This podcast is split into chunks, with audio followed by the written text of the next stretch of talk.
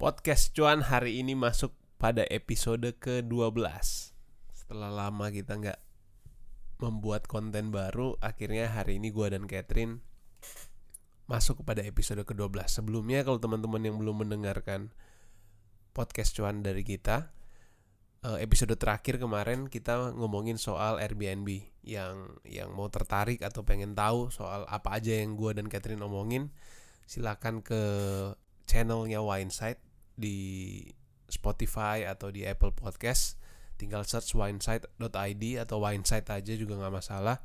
Nanti di situ ada beberapa episode kita dan episode terakhir episode ke-11 kita ngomongin soal Airbnb. Nah hari ini gue dan Catherine bakal uh, omongin tentang aplikasi yang gue pertama kali menggunakan aplikasi ini dan tahu soal aplikasi ini kurang lebih sekitar tahun 2017 gue nggak tahu apakah itu uh, relatif terlambat atau enggak tapi gue pribadi mengenal aplikasi ini sekitar tahun 2017 waktu itu gue pertama kali um, buat suatu bisnis dan Catherine juga sebenarnya yang uh, merekomendasikan gue dari secara otomatis pasti tentu dia lebih dulu tahu dari gue nah aplikasi yang gue dan Catherine bakal bahas saat ini adalah Asana mungkin teman-teman yang uh, mendengarkan podcast ini sudah lumayan familiar dengan aplikasi ini terutama di tengah pandemi atau COVID-19 ini pasti uh, dipaksakan untuk familiar. Nah, gue sendiri 2017, lu kapan Kat pertama kali tahu soal Asana ini? Gak inget sih Mungkin around... Tapi jauh nggak dari tahun 2017 itu? Hmm, yang pasti masih kuliah Jadi ya sekitar mungkin Sekitar tahun berapa tuh? 2015 2016 kali ya 2015 2016 dan mm -hmm. lu menggunakan itu secara rutin saat itu nggak um, secara rutin cuman sempat beberapa kali nyoba-nyoba kayak waktu ikut uh, organisasi di kampus terus kan Udah kebetulan itu, lagi ya? bukan pakai itu kayak secara tim ya maksudnya gue pribadi uh. kayak waktu itu searching uh, project management hmm. tools karena kayak banyak di waktu yang bersamaan itu kan ada beberapa kegiatan organisasi yang gue ikut terus ditambah mm -hmm. lagi kayak lagi udah deket-deket mau skripsi gitu-gitu. Cuman ya bertahan beberapa hari aja kayaknya waktu saat itu. Canggih banget ya. Dua gue inget banget zaman gue dulu mungkin cuma pakai WhatsApp. Eh bukan WhatsApp malah masih lain kalau gue nggak salah lain, ya, lain. tapi itu gue pakai sendiri nggak sama orang lain. Oh, cuman buat pribadi aja. Oh oke. Okay.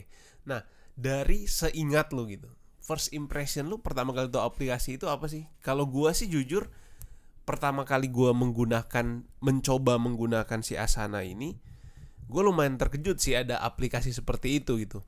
Dan uh, pada dasarnya sih model kayak uh, WhatsApp group gitu ya, kayak misalnya lu bisa diskusi tapi kerennya itu lu bisa bisa uh, track progresnya, kemudian kayak assign seseorang untuk untuk mengerjakan satu project dan lain sebagainya waktu itu sih gue lumayan sangat terkejut sih. Gue mungkin tipikal orang yang lumayan ketinggalan dalam tanda lumayan ketinggalan zaman ya teknologi teknologi aplikasi seperti itu seperti itu gitu. Apakah apalagi lu kan beberapa kali lu bilang lu tipikal orang yang suka ngecek ngecek uh, app store dan lain sebagainya untuk cari aplikasi terbaru gitu. Nah gue tipikal orang yang ketika gue udah menggunakan salah satu aplikasi gitu dan dan ya menurut gue ya gue nggak ada urgensi untuk untuk nyari aplikasi lain gitu. Nah nah balik lagi nih ke pertanyaan gue tadi. Menurut lu atau apa sih impression pertama lu saat itu? Waktu tahu gitu. Dan dan dan pertanyaan gue adalah lu juga menemukan ini dari keisengan lu itu apa gimana? Uh, menemukannya gara-gara tapi belum ada appnya ya waktu itu. Hmm, gue nggak tahu hmm. belum ada appnya atau emang oh, gue nggak tahu aja. masih web base uh, ya? masih web base hmm jadi waktu itu ya emang kayak gue bilang tadi emang lagi sengaja mencari kayak apa ya a tool untuk bantu gue organizing hal-hal apa aja yang harus gue lakuin yang biasanya kita mm-hmm. tulis-tulis dulu di agenda yeah, nah itu yeah. kan masa-masa kita kuliah akhir-akhir itu udah mulai banyak lah ya maksudnya digital tools untuk membantu produktivitas jadi kayak ya iseng aja sih sebenarnya nyari-nyari kayak ada nggak ya maksudnya gue yakin pasti ada tapi ya lihat-lihat aja sih apa yang ada. Biasanya yang muncul kan Trello, Basecamp, Asana. Terus impression pertama gue sih sebenarnya apa ya? Biasa aja sih dulu. Maksudnya ya emang enak aja lu bisa kayak geser-geser. Cuman gua nggak inget dulu apakah udah ada yang versi boardnya itu. Soalnya pertama kali gua gunakan itu benar-benar dalam bentuk list aja sih seingat gua. Dan kayak bisa taruh due Mhm. date-nya terus Mhm. eh, ya description-nya gitu-gitu helpful aja sih Oke, nah sebelum gue dan Catherine bahas lebih lanjut soal eh, Asana dan mendiskusikan beberapa pertanyaan yang menurut gue lumayan menarik dan eh, untuk kita diskusikan atau untuk kita eh, dalam tanda kutip perdebatkan, gue pengen jelasin sedikit eh, background atau latar belakang dari si Asana ini. Nah, aplikasi Asana ini muncul di tahun atau di di, di founded in- di tahun 2008 oleh Dustin Moskovitz dan Justin Rosen, Rosenstein. Nah, si Dustin Moskovitz ini adalah juga salah satu co-founder dari eh, Facebook. Dan si Justin Rosenstein ini lebih ke seorang engineer, semacam developer, tapi memang backgroundnya lebih ke eh, product manager. Nah, dia memulai karirnya dari Google, si Justin ini, si Dustin dan Justin, Dustin dan Justin. Nah, si Justin ini dia backgroundnya dari Google, pernah kerja di Google dan kalau mungkin teman-teman em, mengetahui atau tertarik di dunia teknologi, Justin ini salah satu orang atau engineer pertama yang membawa teknologi eh, waktu itu namanya Gchat kalau gue nggak salah, yang mungkin sekarang jadi G- eh, ini ya Google Hangout ya. Google Hang- berkembang mungkin mungkin, lah. berkembang tapi di saat itu dia eh, yang pertama kali selanjutnya ketika dia pindah ke Facebook eh, di sekitar tahun 2006 waktu di hire oleh Dustin mereka build salah satu fitur yang mungkin sangat krusial dan dipakai oleh semua aplikasi saat ini adalah fitur like mungkin memang di di di de- develop bersama tapi Justin ini salah satu orang penting yang mendevelop eh, fitur tersebut. Nah, singkat cerita, Dustin dan Justin, Dustin dan Justin di tahun 2008 memutuskan untuk keluar dari Facebook dan membangun si Asana ini. Ada salah satu hal yang menarik. Em, mungkin kalau aplikasi-aplikasi yang lain kan yang kita tahu nama itu lebih ke suatu nama yang ya ke dalam pikiran mereka aja gitu pengen namain sesuatu atau kemudian mungkin nama yang udah general. Nah, jadi si si Dustin dan Justin ini mereka dua orang yang punya apa ya, kebiasaan yang sama gitu atau punya prinsipal yang sama. Mereka ini eh, sangat mempercayai atau sangat terinspirasi dengan kepercayaan Buddhis. Gua nggak tahu apakah mereka seorang Buddhis atau enggak gitu, tapi mereka sangat menyukai yoga dan lain sebagainya gitu. Nah, di mana eh, bahkan produk ini sendiri pun katanya terinspirasi dari kebiasaan mereka tersebut gitu. Jadi misalnya contoh kayak si Justin ini dalam satu tahun dia kayak menyisikan beberapa hari untuk betul-betul nggak berbicara kayak gitu-gitu loh. Nah dan si Asana ini katanya adalah salah satu ini adalah bahasa Sanskerta diambil dari bahasa San- Sanskerta yang berarti ini adalah tempat atau postur di mana seorang yang mengikuti yoga itu duduk kurang lebih seperti itulah intinya punya punya relasi terhadap aktivitas yoga gitu. Si bahasa Sanskerta eh, si asana ini dan dan penyebutan dan pengejaannya berbagai macam tapi bahkan di websitenya mereka kalau teman-teman buka gitu di websitenya Asana mereka lumayan em, menjelaskan gitu soal nama dari si kenapa mereka menamakan dari asa, eh, si Asana ini. Dan eh, menurut gua ini hal yang sangat eh, berarti mereka menambahkan sesuatu dengan hal yang sifatnya a- sangat fundamental atau eh, filosofi sih menurut gua. Nah, kurang lebih seperti itu gambaran mengenai eh, secara umum terkait asana itu. Nah, sekarang gua pengen eh, diskusi lebih lanjut Kat soal asana ini sendiri. Yang menarik adalah dia punya misi untuk sebenarnya nggak nggak umum sih menurut gua misinya adalah untuk membantu eh, manusia itu untuk apa ya memfasilitasi manusia untuk bekerja bersama secara effortlessly atau dalam bahasa Inggris bahasanya is to help humanity thrive by enabling the world's teams to work together effortlessly. Dari misinya ini em, secara umum yang gue dapat adalah dia membantu efisiensi orang untuk bekerja berbarengan menggunakan aplikasi mereka atau sistem mereka gitu. Nah menurut lo ini memang masalah nggak sih di masa itu gitu? Ketika mereka pertama kali menemukan itu atau mungkin sampai masa sekarang gitu? Masalah untuk ketika orang bekerja bersama secara efisien. Kayaknya itu dari dulu memang masalah ya. Maksudnya dari terbentuknya manusia pun ketika kita pertama kali belajar untuk cooperate with each other, belajar untuk bekerja sama, udah pasti uh, mungkin di zaman dulu banget itu yang awal mulanya masalah terbesar adalah bagaimana bisa berkomunikasi. Karena kan dulu belum ada bahasa ya. Jadi mungkin Ya. manusia untuk bisa berkooperasi bersama itu harus uh, pakai bahasa tubuh lah gue nggak tahu apa tapi intinya belum ada bahasa dan bahasa itu lahir mungkin salah satunya adalah untuk bentuk uh, komunikasi agar bisa bekerja sama kan jadi ya sudah pasti namanya ada sekelompok uh, manusia di mana pun bagaimana cara untuk berkooperasi dal- dalam arti nggak harus benar-benar yang bekerja untuk menyelesaikan suatu task ya tapi kooperasi dalam hal apa pun cooperate dalam hal apa pun itu Mm-mm. pasti selalu menjadi challenge karena natur manusia ya tentunya beda-beda eh, cara pemahaman cara melihat atau eh, perspektif manusia itu beda-beda dan juga eh, tendensisnya beda-beda habit yang berbeda-beda jadi gua rasa itu emang a fundamental issue in humanity aja sih. Bagaimana dalam hal bekerja sama dalam Hmm, konteks hmm, apa pun itu manusia pasti eh, akan menemukan challenges. Gua gua termasuk orang yang lumayan em, konvensional gitu dalam tanda kutip di mana ketika gua mau em, apa ya kayak briefing sesuatu atau pengen menyelesaikan suatu masalah atau pengen diskusi sesuatu gitu gua tipe orang yang cenderung pengennya ketemu langsung. Hmm. pengennya apa eh, gimana sih kayaknya beda aja kalau misalnya gua menyelesaikan atau briefing atau ngomongin sesuatu gitu mendiskusikan sesuatu tanpa gua ketemu langsung gitu.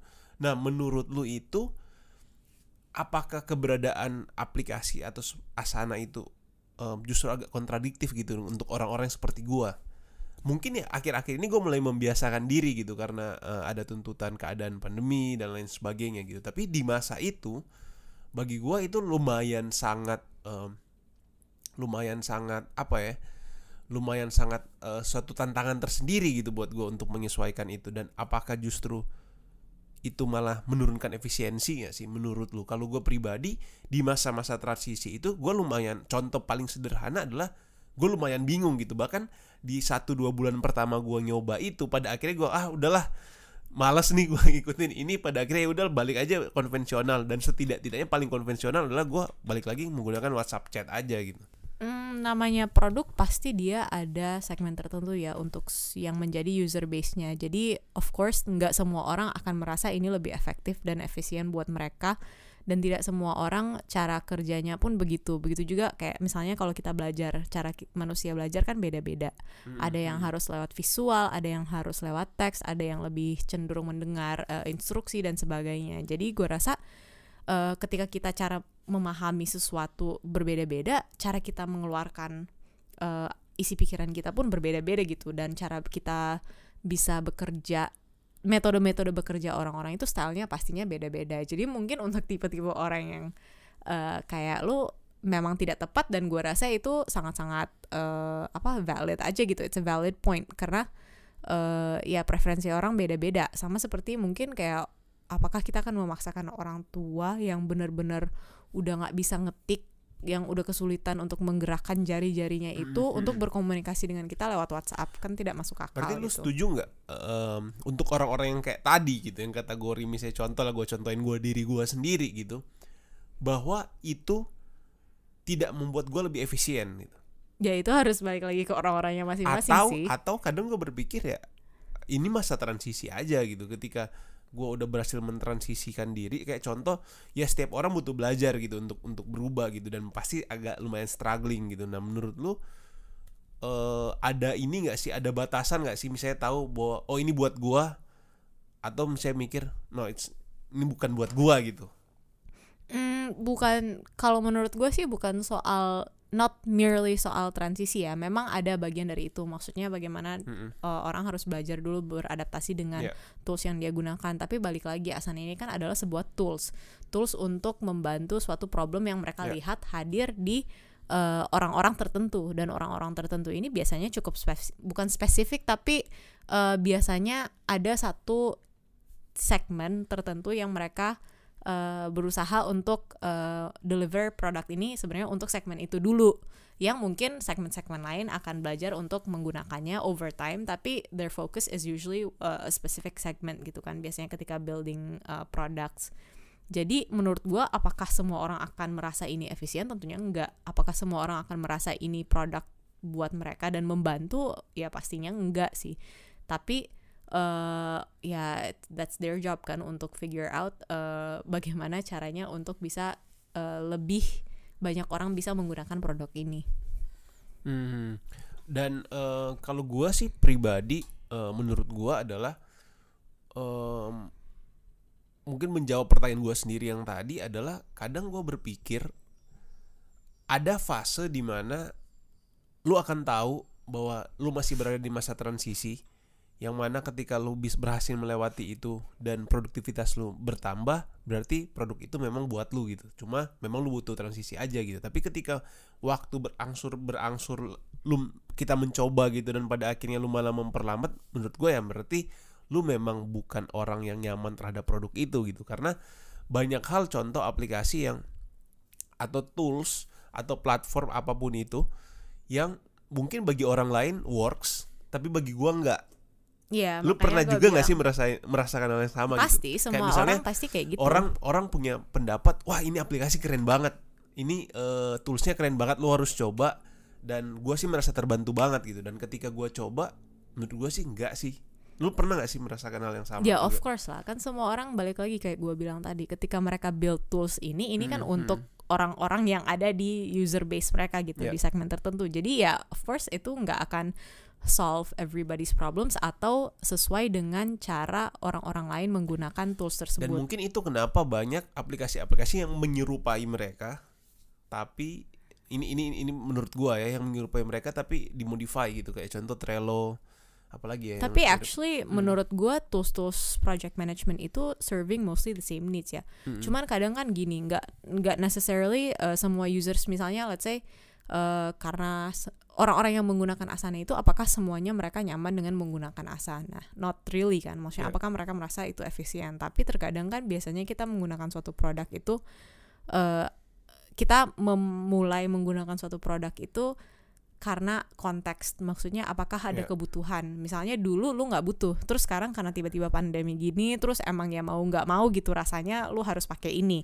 untuk berkomunikasi dengan tim lu Yeah. begitu juga dengan orang-orang yang mungkin kayak kalau di kantor gua kan memang harus pakai Asana jadi banyak orang yang gue tahu nggak nyaman dengan menggunakan asana asana nggak terbiasa gitu dengan kayak harus ngupdate tasknya terus kayak eh, benar-benar harus eh, ngupdate status-status projectnya dan sebagainya gitu banyak yang tidak terbiasa ataupun tidak suka eh, melakukan hal-hal tersebut tapi karena dia berada di dalam konteks yang memaksakan dia harus menggunakan tools tersebut ya mau nggak mau dia pakai Mhm.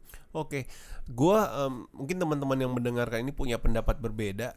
Tapi kalau gua, Catherine juga tadi punya pendapat berbeda. Tapi kalau menurut gua, ya kita pasti akan sadar bahwa apa, apa- apakah aplikasi ini atau dalam konteks ini, apakah Asana ini benar-benar membantu efisiensi atau enggak. Kalau gua pribadi, em, menurut gua lumayan membantu. Tapi banyak referen banyak hal-hal lain yang menurut gua sebenarnya jauh lebih simpel gitu dari daripada Asana. Tapi beberapa teman gua atau beberapa orang gua kenal juga merasa bahwa ini sangat membantu gitu nah masih dalam hubungannya dengan eh, misinya dia gitu bahwa dia bilang bahwa enabling the worst team to work together effortlessly salah satu poin menarik yang gue garis bawahi adalah soal wordsnya dunia gitu. Tim orang di seluruh dunia sebenarnya untuk untuk bagaimana bekerja. Berarti kan dengan adanya Asana memutus batasan soal ruang dan waktu. Di mana mungkin kalau zaman dulu banyak orang datang ke Indonesia atau disebut expat gitu untuk bekerja di Indonesia gitu keberadaan em, tool seperti Asana ini membuat seseorang bekerja atau memberikan jasanya itu ketika dia berada di luar Indonesia atau sebaliknya dia di Indonesia padahal eh, employernya itu berada di luar Indonesia gitu. Poin yang menarik adalah berarti ini menghilangkan eh, borders sih menurut gua batasan-batasan antar negara gitu. Lu setuju nggak sih? Asananya sendiri. Ya. Hmm, I don't think Asananya sendiri sih yang membatas atau yang memutuskan borders borders tersebut. I mean, in general Maksudnya communication bisnis tools. modelnya mereka, um, servisnya mereka itu secara nggak langsung menghilangkan batasan-batasan itu gitu. I think semua commu- digital communication tools goalnya untuk itu kan, untuk Mm-mm. uh, mengurangi border-border ruang dan waktu gitu. Iya. Dan Asana ya tentunya sebagai Secara lebih khusus uh, pekerja dan pemberi kerja menurut gua, maksud gua. Pekerja dan pemberi kerja. Hmm, mungkin antara pekerja ya, bukan pekerja dan pemberi kerja kayaknya usually less likely untuk berinteraksi kecuali dia di posisi-posisi tertentu. Ya. Tapi ya of course sebagai communication tool juga ya dia akan membantu mengurangi eh, friction yang ataupun batasan-batasan ruang dan waktu tersebut karena kan ya everything happens on the cloud eh, on the internet gitu. Dan ini sebenarnya punya hubungan dengan apa yang pernah kita diskusikan eh, di episode-episode sebelumnya gitu. Gua lupa episode apa, tapi yang menarik adalah soal eh, keberadaan aplikasi seperti ini gitu kan. Eh, ada unsurnya atau secara nggak langsung berhubungan dengan globalisasi atau internasionalisme dan nasionalisme gitu. Menurut gua ya, menurut gua. Hmm. Karena bagi gua adalah keberadaan tools-tools seperti ini akhirnya mem- mempermudah orang atau tim yang di luar eh, negara lain di di negara lain gitu, bukan di sesama nationality-nya gitu di Indonesia sendiri. Menurut lu begitu nggak sih? Punya relevansi ke arah situ nggak?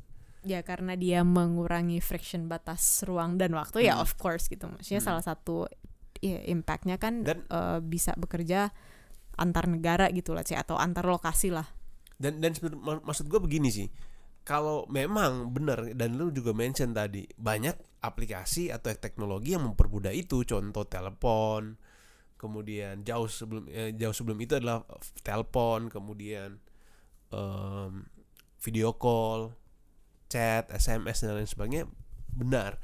Cuma maksud gua itu kan nggak secara specifically dibuat untuk lu melakukan pekerjaan kan itu lebih ke komunikasi. Memang itu adalah part dari bagaimana lu menyelesaikan pekerjaan lu gitu. Tapi yang menarik di Asana ini adalah hal-hal yang nggak bisa lu manage melalui telepon call atau eh, video call sesederhananya video call aja bisa diselesaikan melalui si aplikasi Asana ini gitu. Bagi gua ini lumayan sangat membantu untuk bekerja dari jarak jauh gitu dan ini maksud ke pertanyaan gua selanjutnya adalah untuk sebagai eh, tren pekerjaan yang secara remote dilakukan. Sebenarnya menurut gua dia not necessarily uh, bringing a new apa ya? Bukan hal yang baru gitu. Sebenarnya kayak lu bilang tadi kan. Misalnya Mm-mm. kita biasanya melakukan ini lewat telepon. Uh, Mm-mm. misalnya di Asana itu kan yang kita bisa lakukan adalah mencatat uh, hal-hal apa aja yang harus kita Mm. kerjakan dalam suatu project atau pekerjaan. Kemudian kita bisa uh, assign gitu siapa yang menjadi uh, assigninya, sh- uh, kapan ini harus dikumpulkan atau deadline-nya kapan. Uh, terus ini terkait apa aja, timelinenya gimana dan sebagainya dan hal-hal ini sebenarnya semuanya dulu kita tetap lakukan gitu sekalipun menggunakan telepon misalnya, eh gue mau follow up dong eh, apa tugas ini udah gimana kabarnya. Cuman Asana ini kan sebenarnya hanya memformalize atau eh, membuat lebih konkret, lebih ada template-nya hal-hal yang repet, sifatnya repetitif. Jadi kayak misalnya biasanya lu setiap saat harus chat ulang nih, tanya lagi "Kak, gimana nih update progress ini. Mm-mm. Nah, instead of uh, harus terus ada kayak saling mengingat untuk uh, ngobrol uh, berlebihan untuk tanya progres doang, dia menciptakan sistem di mana lu bisa uh, secara apa ya? lebih inisiatif lah untuk kayak mengupdate progres lu sendiri atau berkomunikasi lewat platform ini agar semuanya lebih terdokumentasi dengan rapi gitu. Jadi it's not creating something new menurut gua tapi lebih um, memformalize aja dan lebih merapihkan aja sih apa yang dan lebih memudahkan apa yang biasanya kita udah lakukan sebelum-sebelumnya lewat eh, cara-cara yang lebih informal dalam tanda kutip. Berarti eh, sebenarnya lu setuju gitu bos secara nggak langsung ya balik lagi ke pertanyaan gue ini akhirnya cenderung membuat orang untuk lebih kompetitif dalam dalam kata lain gitu karena lu nggak punya lagi terbatasan ruang dan waktu untuk oh oke gua harus mengambil pekerja Indonesia aja gitu I think ada impactnya tapi I don't think it's directly kayak Hmm. bener-bener apa ya maksudnya of course eh, semua tools kita sekarang cenderung ke arah sana kan eh, karena kita bisa Hmm, remote work hmm. dan sebagainya jadi kayak untuk membantu eh, tidak ada batasan balik lagi yang kita udah bicarakan sebelumnya ruang dan waktu untuk eh, bekerja sama gitu tapi kan of course there's many factors menurut gua yang influence uh, the decision untuk hiring secara lokal ataupun internasional. Misalnya dari segi bahasa dari segi budaya dari segi uh, Mhm, efisiensi. karena misalnya ya namanya misalnya mau sebagus apa pun uh, platform komunikasinya atau tool komunikasinya tapi kalau tidak saling mengerti bahasanya kan sama aja bohong gitu. Karena itu yang menjadi foundation dari for komunikasi kan. Jadi ya I guess uh, jauh lebih banyak faktor lain lah. Banyak yang bilang bahwa terutama eh, setelah pandemi ini gitu atau di tengah pandemi ini bahwa bekerja remotely itu akan menjadi masa depan. Bahkan beberapa perusahaan besar seperti eh, yang gua tahu gue lupa satunya apa tapi salah satu yang benar-benar mendeklar adalah Twitter gitu. Untuk ke depan menerapkan policy untuk bekerja dari rumah atau working remotely karena menurut dia lebih efisien, lebih efektif, bahkan cenderung lebih produktif. Gue nggak tahu data dan basis apa yang dia gunakan. Tapi balik lagi pertanyaan gue, apakah ini future gitu? kalau bicara soal future I think ya trennya ke arah sana karena eh gue rasa sejak bekerja dari rumah ini there are many things dari sisi eh, employernya atau bisnisnya maupun dari sisi karyawan yang Hmm. mereka lihat ternyata possible em, dan justru mengefisienkan resources. Tapi juga banyak hal eh, yang tetap menjadi challenge gitu. Misalnya dalam hal sekalipun toolsnya udah canggih banget tapi misalnya kayak kita di Indonesia infrastruktur internet kita belum se sebagus di luar mungkin. Sehingga ya sering kali berada di tempat-tempat yang berbeda itu tetap menjadi kendala yang sangat sangat sangat besar dan justru menghambat produktivitas. Tapi apakah ini future ya? I guess the trend uh, menunjukkan bahwa kita akan mengarah ke sana sih. Maksudnya, of course akan terus ada pekerjaan-pekerjaan tentu tertentu bidang industri-industri tertentu yang tidak bisa atau lebih sulit untuk menerapkan uh, remote work ini. Hmm. Tapi I think uh, a lot of new companies bakal Menerapkan lebih policy ini. menerapkan ini. Oke, masih ini poin terakhir untuk pembahasan soal missionnya Asana ini yang tadi gue bilang.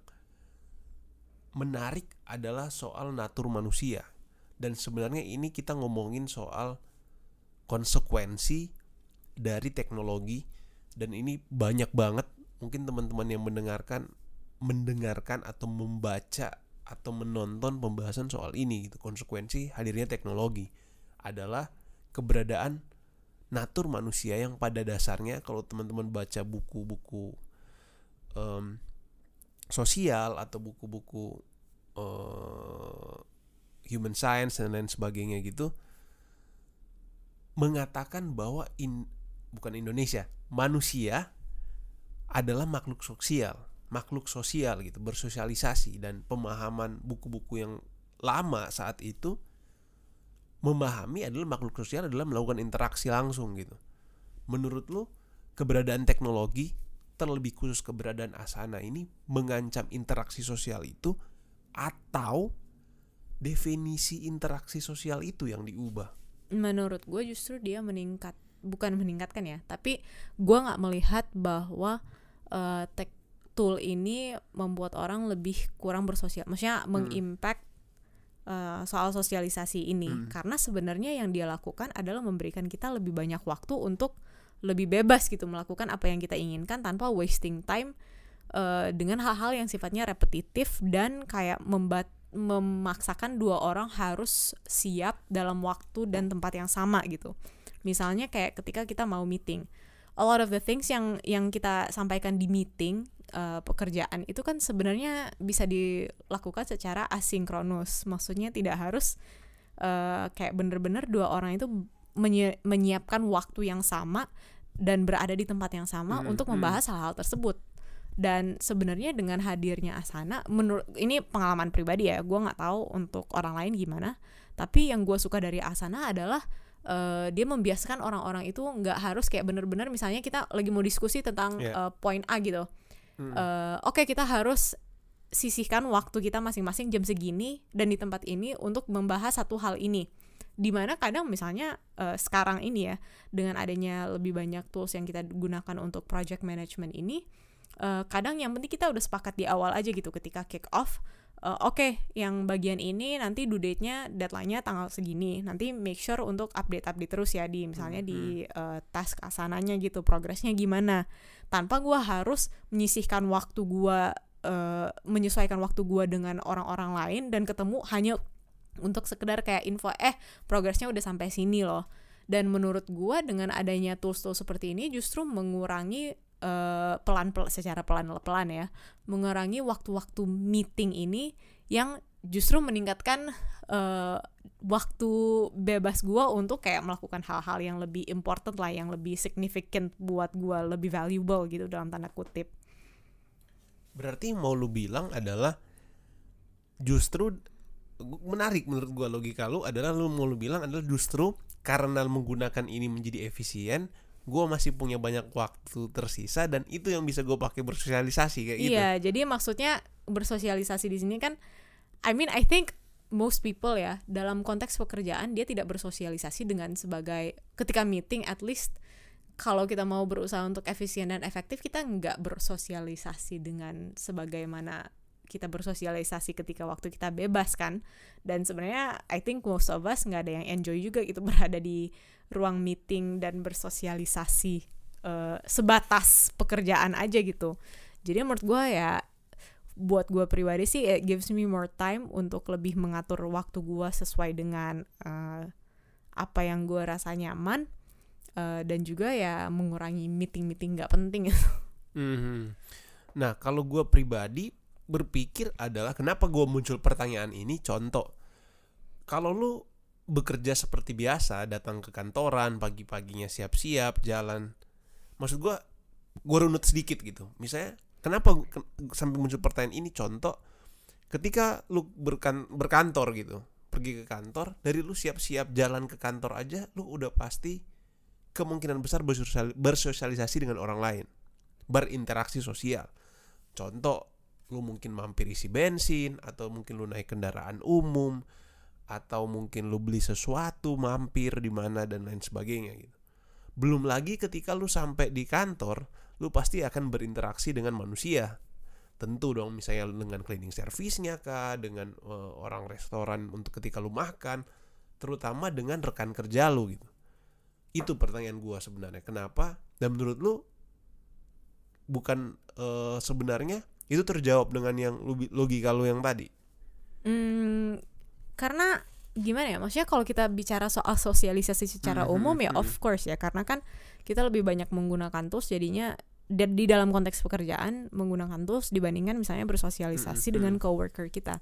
Tapi menurut gua dengan adanya tools ini justru eh, waktu kita bersosialisasi itu semakin bukan waktu kita bersosialisasi, waktu kita bekerja itu semakin efisien sehingga lebih ada banyak waktu dalam misalnya jam pekerjaan kita ketika kita di kantor untuk bersosialisasi dalam hal yang lebih valuable secara human nature gitu. Maksudnya yang kayak bayangkan kita biasanya habiskan waktu dengan rekan-rekan kerja kita hanya untuk membahas deadline, progress update dan sebagainya. Mhm. dan dengan adanya tool seperti ini kan ya ketika kita ada di kantor dan eh, ketemu rekan kerja kita nggak cuma itu itu terus gitu yang dibahas bisa bahas hal-hal yang lebih lagi gitu ini mungkin punya hubungannya dengan data yang bakal gua eh, sampaikan nih. Ini riset yang dilakukan oleh Asana, gua atau mungkin ada bekerja sama dengan third party, tapi riset mereka bahwa rata-rata orang dalam satu tahun menghabiskan 167 jam di meeting itu satu tahun dalam satu tahun. 167 kayak satu bulan gue Nah, gue nggak tahu ya, mungkin eh, dia rata-rata meng- mengambil rata-rata pekerja gitu. Mereka menghabiskan waktu selanjutnya, ini selanjutnya dalam satu tahun yang sama, 209 jam melakukan pekerjaan yang duplikatif atau Hmm. sebenarnya melakukan pekerjaan yang sama gitu, hmm, repetitif repetitif gitu. mungkin pekerjaan yang sebenarnya udah jadi dikerjain lagi gitu dari awal 209 jam mereka menghabiskan waktunya ini yang paling gila nih. 352 jam cuma ngobrol doang tentang, tentang pekerjaan. Hmm. di kantor atau di mana gitu. Dan 103 jam melakukan sesuatu yang nggak dibutuhkan saat meeting. Nggak tahu ya gosip apa gue ngerti lah. Mungkin itu kategorinya apa gitu. Nah intinya yang mereka dapatkan adalah 60% waktu kita seorang pekerja rata-rata itu habis untuk work to work. Atau work to work itu gue tadi sempat cari gue juga nggak tahu awalnya work to work ini maksudnya apa. Tapi katanya eh, dictionary itu atau em, yang gue dapat work to work itu berarti lu melakukan aktivitas yang memakan waktu lu tapi sebenarnya nggak butuh skill untuk mengerjakan itu. Contoh misalnya lu eh, kayak cuma nyari atau mungkin kayak gimana ya contoh contoh yang real ya Ket? Kayaknya mungkin definisinya intinya lo menghabiskan berapa tadi 60%, 60% waktu itu waktu work to work itu as in uh, lu bekerja, lu melakukan pekerjaan untuk bekerjanya. Bukan pekerjaan sesungguhnya misalnya ketika kita Ya, masuk dalam suatu company emails gitu Iya, jadi itu sebenarnya dihabiskan waktu. Misalnya harusnya gue ketika di hire, let's say as a product manager, tugas gue adalah kan? untuk mendevelop produk ini sebaik-baiknya. Tapi 60% dari waktu gue adalah dihabiskan bukan untuk mendevelop Ya. ataupun memikirkan produknya sendiri, tapi figuring out how to work dan Hmm. bagaimana gue harus bekerja untuk ya, melakukan ya. itu. mungkin simpelnya adalah lu punya contoh contoh real adalah mungkin ketika yang mendengarkan podcast ini misalnya lu lulusan em, ekonomi misalkan lu Hmm. ahli di bidang itu S2 sampai di luar negeri kemudian balik ke Indonesia tapi ketika lu bekerja sadar atau nggak sadar dan berdasarkan data ini sebenarnya kalau lu hitung-hitung lebih dari 60% waktu lu bukan di keahlian lu Hmm. tapi hal-hal yang ini bahasanya mereka adalah hal-hal yang bukan skill lu gitu skill work yang yang siapa pun sebenarnya bisa melakukan itu gitu untuk kirim email cek email cek progress dan lain sebagainya. Bukan yang yang betul-betul adalah kemampuan lu gitu. Nah poin gua adalah separah itu ternyata.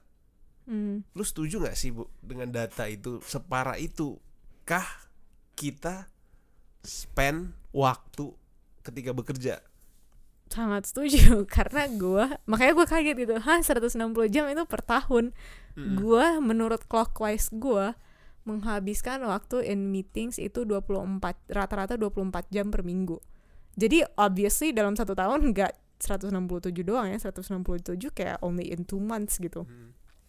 dan menurut gua itu pun sebagian besar dari meet, waktu gua harus hadir di dalam meeting itu hal-hal yang sebenarnya bisa dilakukan async asynchronously.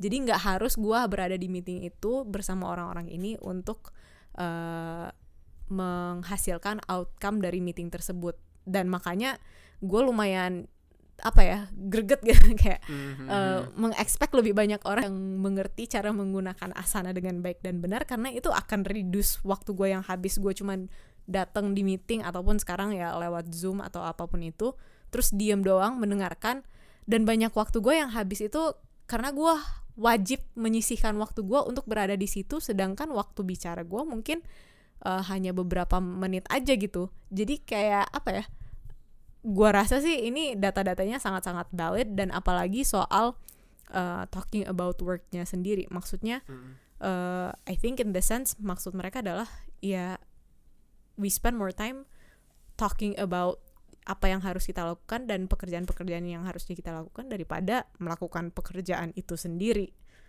Gue gue setuju banget sih karena gue pernah bekerja eh, di orang gitu, pernah bekerja di perusahaan, pernah bekerja di eh, kantor konsultan yang apa ya, memang sering banget, apalagi mungkin ya di kalau misalnya teman-teman yang bekerja di pemerintahan atau di government gitu-gitu, mungkin akan banyak banget karena balik lagi birokrasi gitu, birokrasi lu butuh banyak meeting, butuh banyak FGD dan lain sebagainya.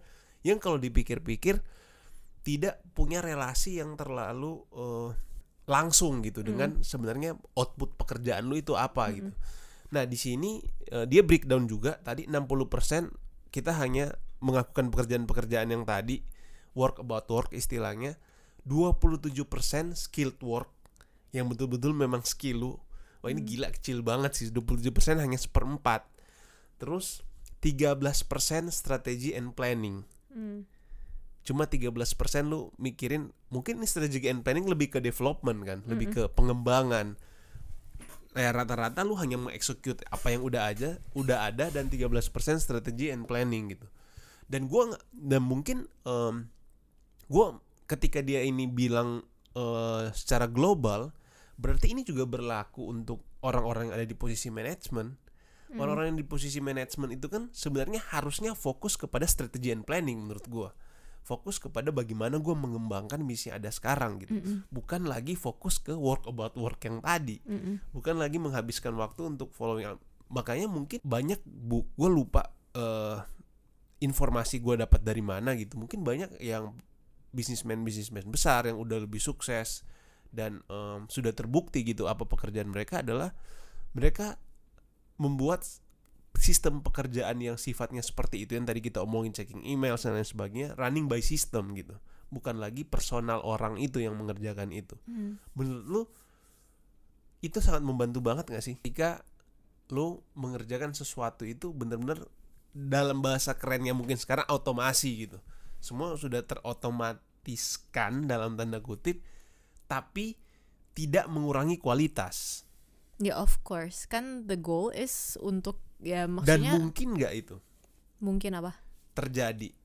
Diterapkan di di maksudnya di semua perusahaan gitu. Karena kalau jujur gue pribadi tipe orang yang eh, suka bener-bener apa ya mungkin suka mengetahui sesuatu pekerjaan itu sampai ke per- ke hal-hal kecilnya gitu sampai ke hal-hal detailnya dan lain sebagainya. Yang mana kan itu sangat eh, time consuming banget kan. Nah Mm. menurut lu ini di semua industri bisa nggak sih dilakukan otomasi atau by system seperti itu? Untuk menjawab pertanyaan yang eh, untuk menjawab isu yang tadi yang 60% lu menghabiskan waktu untuk mengurusin hal-hal seperti itu sebenarnya. Bukan fokus ke pengembangan bisnis lu atau bukan fokus ke ya kemampuan lu gitu. Jadi maksudnya apakah eh, semua industri bisa menerapkan atau Hmm, mereduce 60% of the time yang dihabiskan untuk work to Hmm, work hmm. ini itu? Ya of course karena kan ini eh, kalau dari data-datanya tadi itu eh, 60% yang dibicarakan di sini itu not the essential work yang dilakukan. Dan semua industri pastinya maksudnya ini nggak berarti semuanya bisa dengan mudah menerapkan atau eh, mengimprove ini ya, tapi I think in general semua bisnis semua industri itu mau mendapatkan outcome yang ter sebanyak mungkin hasil yang sebanyak mungkin dengan waktu atau resources yang sesedikit mungkin. Ya. dan poin dari uh, selalu adanya efisiensi adalah itu kan kita mau reduce resources dan waktu yang kita keluarkan untuk mendapatkan output yang sama ataupun lebih. Agar kita ya lebih dan itu uh, actually definisi dari productivity kan sebenarnya produktivitas. Jadi ya of course uh, semua industri bisa lebih efisien lagi. Karena kan dalam tanda kunci sebenarnya kita cuma bicara soal efisien uh, efisiensi dan meningkatkan ya, ya. produktivitas. Jadi semua industri uh, tentunya bisa melakukan itu. Tapi uh, kendalanya adalah in, masih in challenges in each industry itu pasti beda-beda. Terutama uh, ketika kita bicara tentang automation ataupun dengan uh, Sistem. efisiensi Hmm. bekerja dengan sistem dan sebagainya itu sangat tergantung pada uh, human resource yang uh, hadir di perusahaan ataupun industri tersebut bahkan em, jangan salah sangka loh maksudnya kayak doesn't mean orang-orang yang kerja di bidang teknologi itu sangat sangat adapt sekali menggunakan Hmm. tools-tools seperti ini gitu. Belum tentu ya.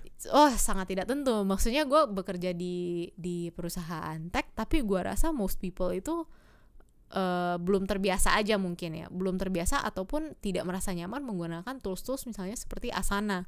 Jadi eh, nggak ada bandwidth bukan bandwidth apa nggak ada batas atau border tertentu sih tentang hal ini. Jadi benar-benar tergantung pada human resource-nya dan bagaimana perusahaan tersebut atau industri tersebut ya bisa melatih orang-orangnya untuk mau lebih efisien juga gitu.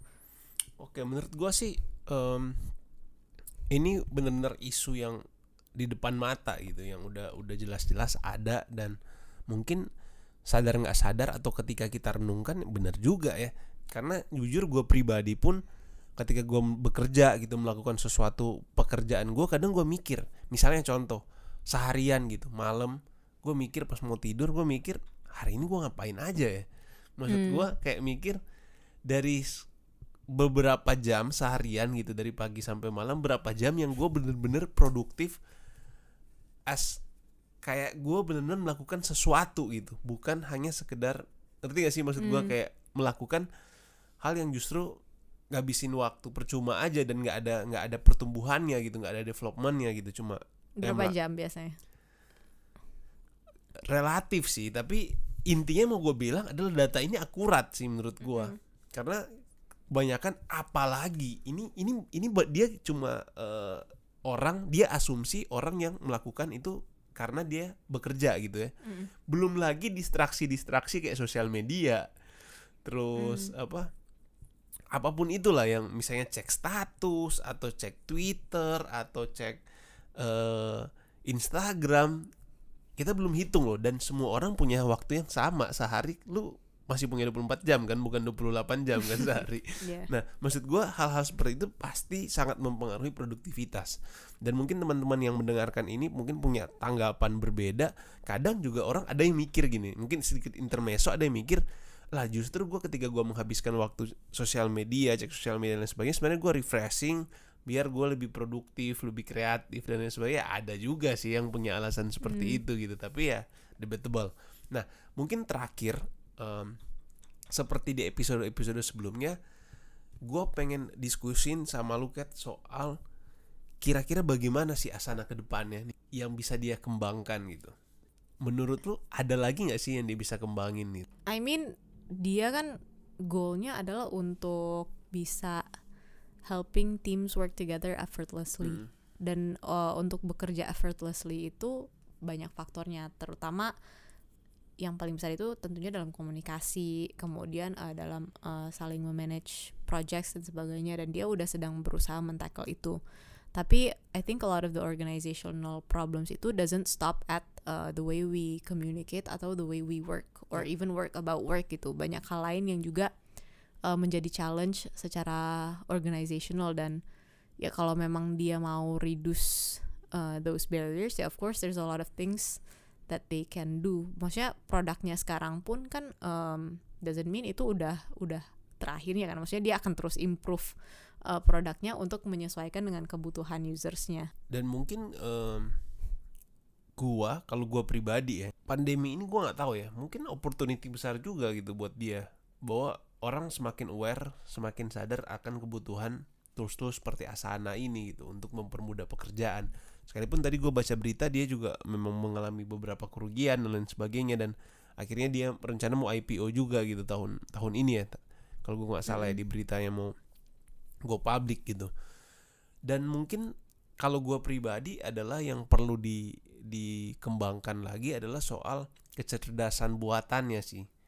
Soal automasinya gitu. Menurut gue itu sangat membantu karena contoh kayak eh, Slack misalkan kayak yang lu otomatis untuk reminder reminder gitu kayak gitu untuk kayak lu udah atur lu organize semuanya untuk bagaimana untuk untuk ngecek hal seperti itu dan menurut gue itu umum dan kayaknya ada juga ya sekarang ya di Asana ya. maksudnya otomasi, Otomasi dalam konteks artian apa Kayak misalnya contoh lu secara otomatis menghubungi orang itu tapi nggak perlu lu langsung gitu yang menghubungi orang itu atau yang kayak semacam auto reminder sih dan lain sebagainya. Hal-hal yang sifatnya em, sebenarnya dia ini kan eh, toolnya adalah untuk automasi juga kan maksudnya doesn't Mhm. seem like karena ketika kita mikir automasi sering kali itu kayak robot gitu kita Mhm. mengautomasi dalam hal eh, benar-benar apa sih kayak mempredik apa yang kita harus lakukan technically kan kayak dengan gue misalnya creating a task untuk eh, coworker gue gitu terus gue set itu due date part of ini ya. due date-nya misalnya besok gitu. Biasanya kan gua harus mengingatkan diri gua untuk remind orang ini bahwa due date-nya besok.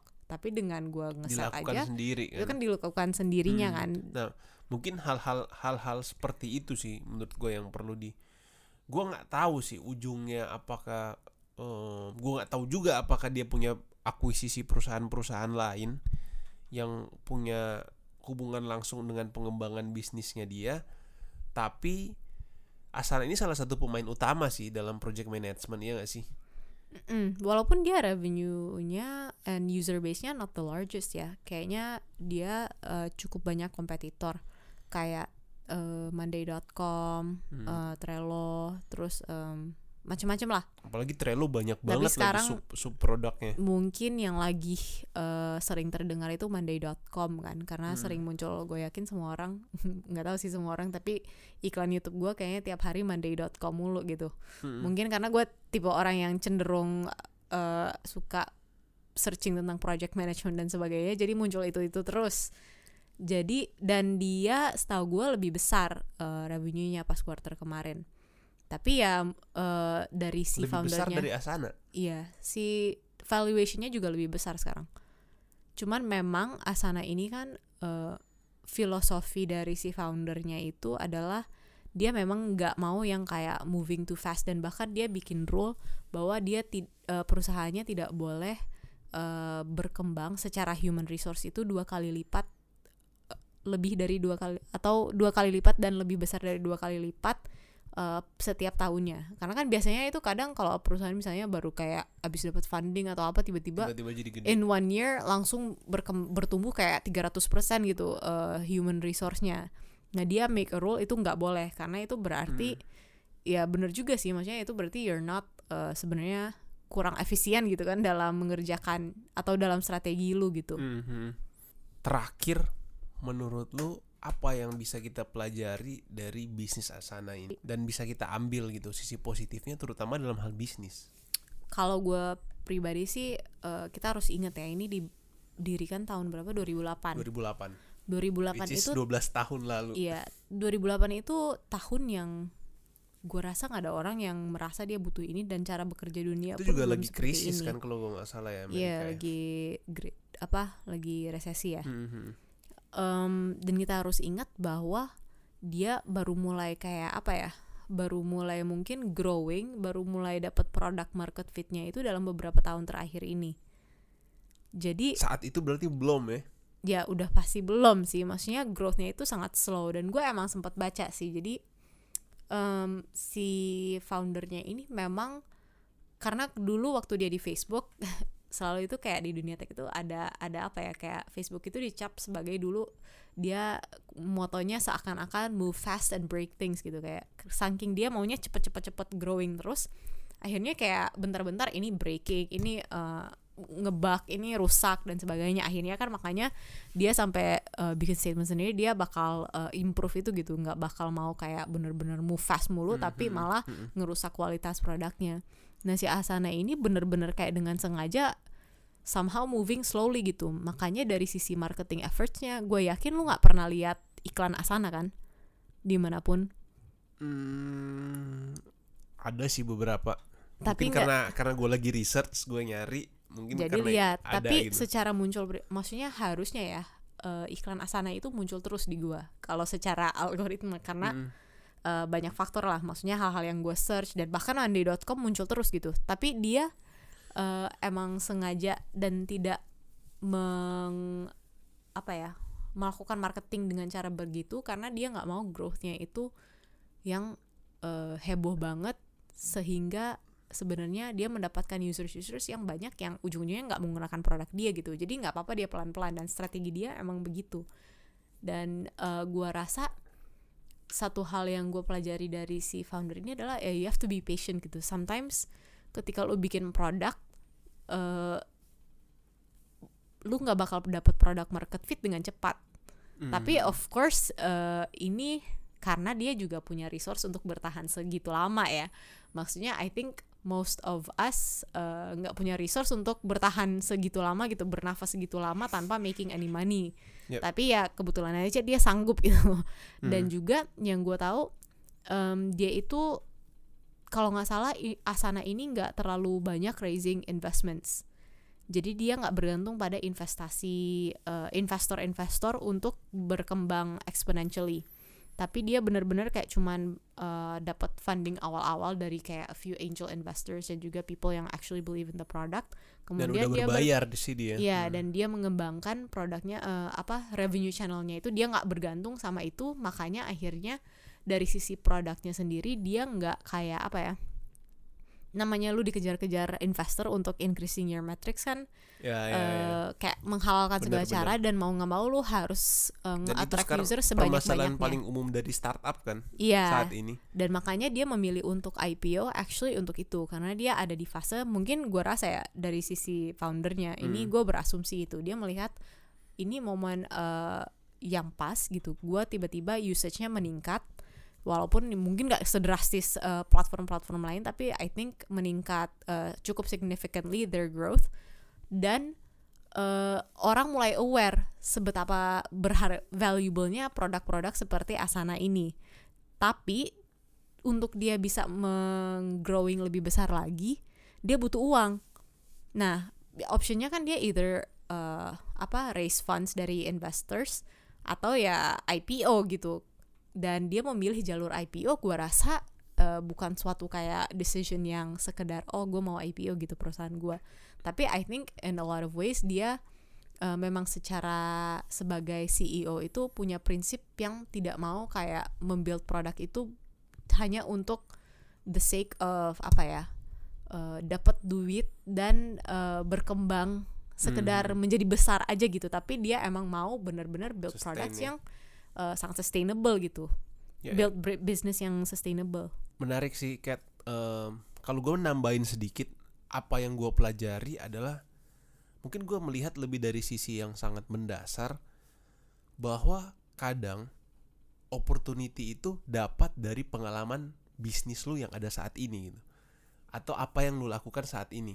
Karena kalau lihat ceritanya Dustin dan Justin mereka berdua ini punya pemikiran soal si Asana ini ketika mereka melihat seberapa parahnya sistem kerja Facebook saat itu gitu Hmm. atau seberapa em, banyaknya waktu mereka yang terbuang dengan meeting-meeting balas email dan lain sebagainya di dalam internal Facebook itu sendiri yang mau gue bilang adalah kadang opportunity lu bisa jadi bukan bisnis lu yang yang lu lakukan saat ini bukan pekerjaan yang lu lakukan saat ini tapi justru opportunity lu adalah ketika lu melihat em, masalah yang terjadi dari apa yang lu lakukan saat ini. Atau dari apa yang pekerjaan yang lu lakukan saat ini. Karena Hmm. bagi gue yang sangat menarik eh, dia co-founder loh si Dustin itu adalah co-founder dari Facebook. Dan dia malah cabut dari Facebook mungkin banyak faktor lain juga tapi dia percaya bahwa ini adalah opportunity besar gitu nantinya. Si Asana ini adalah opportunity besar di mana perusahaan sekelas Facebook aja punya permasalahan seperti itu gitu dalam memanage dalam memanage eh, para pekerja-pekerjanya gitu dalam memanage efisiensi pekerjaan gitu kalau gue sih itu sih Tapi I think it's important to note juga gua rasa at least dari baca interview dia ya yang di Mhm. Forbes kemarin itu I think dia start Asana itu eh, bukan dengan memikirkan business in mind ya maksudnya as in oh iya iya making ngerti, money ngerti. Hmm. karena em, dari awal pun dia juga nggak menjanjikan katanya dia nggak menjanjikan itu kepada investors gitu. Jadi kayak dia memang seeking investors eh, yang emang percaya percaya, aja, aja gitu. maksudnya gitu. eh, dengan produk ini dan dia mau building something yang emang useful aja dia melihat masalah memberi dia impact intinya. Iya mungkin karena dia engineer ya backgroundnya. Jadi kayak dia building ini karena dia rasa ini masalah yang ada oke coba gua build ini gitu. Not necessarily kayak eh ini jadi duit gua nih. mau lihat ini wah ini bos business opportunity yang gede nih. Gua harus Ya, masuk ya, ke ya. sini.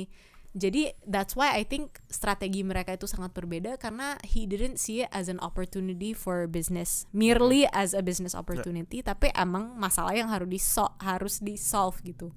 Tapi dan kalau eh, dan tapi kalau menurut gue secara otomatis em, dengan pemikiran seperti itu ketika lu berhasil menyelesaikan suatu masalah yang di yang dirasakan oleh semua orang pasti bisnis dalam hal ini uang keuntungan akan datang dengan sendirinya Iya sih. betul. Dan itu makanya menurut gua eh yang gua pelajari yang tadi pertanyaan lo sebelum ini kan eh, hal apa yang gua pelajari gitu atau Mhm. hal apa yang menginspirasi dari bisnis mereka. Dan menurut gua itu sih focus on the problem gitu. Yep, jangan yep. fokus on the the money. Karena ya of course you Bener need banget. money untuk grow the business. Tapi when you focus on the problem ya kayak lu bilang duitnya juga pasti akan ada-ada aja gitu. ya if you're smart ya maksudnya Hmm. kalau lu bisa figure out a way untuk uh, dapat uangnya. Karena selama lu solving problems untuk customers pasti customers mau-mau aja bayar untuk produk lu. Ya, maksudnya bener misalnya kayak gua gitu eh ya mungkin bedanya dia sama gua adalah gue udah merasakan masalah-masalah ini tapi gue mencari. Dia merasakan masalah-masalahnya dia membuat produknya sendiri gitu Hmm, karena hmm. dia capable of uh, mengkodingkan ini gitu. Tapi ya semua jadi kayak kalau misalnya gua sendiri gua aja merasa gua mencari suatu solusi untuk masalah gua pasti orang-orang lain juga mencari uh, merasakan masalah yang sama kan. Nggak Hmm, mungkin hmm, gua doang. Itu itu very unlikely bahwa hanya satu orang yang merasakan satu masalah tertentu. Pasti itu ada segmennya jadi ya I guess focus on the problem dulu gitu and then uh, think about this business but of course ya doesn't mean kita nggak butuh duit kan Gua setuju banget sih sama itu sekalipun eh, mungkin terdengar klise gitu ya kita udah Iya. sering-sering banget gitu dengar Hmm. itu tapi menurut gua mindset seperti itu akan sangat eh, mendrive banget bagaimana lu menjadi seorang pemimpin atau bagaimana lu menjadi seorang entrepreneur gitu Hmm. karena ketika lu fokus ke problem sebenarnya lu cenderung akan lebih inovatif. Yep. karena ketika lu cuma fokus ke uang uang uang kadang nggak terlalu inovatif loh. Dia fokus oh ini lebih banyak menghasilkan uang gitu. Mm-mm. padahal sebenarnya dia tahu contoh eh, ini mungkin jadi pembahasan baru lagi gitu ketika kita fokus ke eh, research and development dan lain sebagainya. Banyak businessman yang justru nggak mau invest ke R&D tapi fokus ke marketing misalkan ke market acquisition dan lain sebagainya. Ini waktu itu udah lebih dari sejam ini pembahasan baru lagi tapi gue setuju banget sih apa yang lu bilang bahwa em, mindset seperti itu sebenarnya secara nggak langsung kalau benar diterapkan harusnya secara otomatis akan membawa bisnis yang sustain, more sustain karena belum tentu bisnis yang cepat growing saat ini satu dua tahun dari sekarang masih tetap bertahan gitu. Banyak banget perusahaan yang valuasinya udah sedemikian besarnya tiba-tiba jatuh gitu karena nggak punya em, dan ini sebenarnya Hmm. uh, something yang gua lihat cukup common Ya. dalam uh, founder-founder terbesar tech perusahaan tech terbesar di dunia ya kayak Amazon, uh, Jeff Bezos, Bill Hmm. Gates, uh, apa Larry Larry Page Hmm. uh, dan sebagainya gitu. Mereka kalau lu baca cerita-cerita mereka, they always have problems with investors. Kayak Amazon itu kan ya, banyak banget masalahnya karena dia nggak making money for so long sampai orang kayak wondering ini gue bener nggak sih invest di sini gitu Hmm. kayak kesel sendiri tapi ya untungnya si foundernya eh, punya kemampuan untuk meyakinkan Meyakinkan. orang Hmm. tapi kayak dia bener-bener obsess about the customers aja dulu pokoknya serving uh, the customers needs akhirnya sekarang ya tahu sendiri lah duitnya seberapa cerai aja istrinya bisa bisa jadi salah satu 10 orang orang. terkaya di dunia gitu paling kaya perempuan paling kaya dan masuk 10 12 besar kayak Iya, makanya maksudnya duitnya jadi sebanyak itu di gitu. dunia. Apakah dia dari awal emang mikirin untuk tentang duitnya? I don't think so sih. Maksudnya just came karena dia emang uh, trying to solve real problems aja gitu. Setuju, setuju banget. Oke, karena pembahasan kita nggak bakal habis-habisnya nih kalau omongin kayak em, begitu banyak sebenarnya isu dalam eh, dunia startup ini, teknologi, bisnis eh, yang mungkin poin-poin itu kita bisa bahas dalam em, perusahaan-perusahaan lainnya secara nggak langsung eh, perusahaan teknologi lainnya. Mungkin itu episode kali ini em, buat teman-teman yang merasa bahwa episode ini bermanfaat, teman-teman merasa mendapatkan ilmu atau mendapatkan informasi sesuatu dari apa yang gua dan Catherine omongin, eh, silakan bagikan atau rekomendasikan podcast kita ini ke teman-teman kalian, ke orang yang kalian kenal, rekan kerja kalian, dan teman-teman bisa em, follow Instagram kita at cuan n-nya 3 .id atau bisa juga melalui Winesite w a i n s i g h a t .id winesite.id dan teman-teman bisa mendengarkan podcast ini di Spotify dan di Apple Podcast. Oke, sekian dari gua dan Catherine, sampai ketemu di episode selanjutnya. Thank you.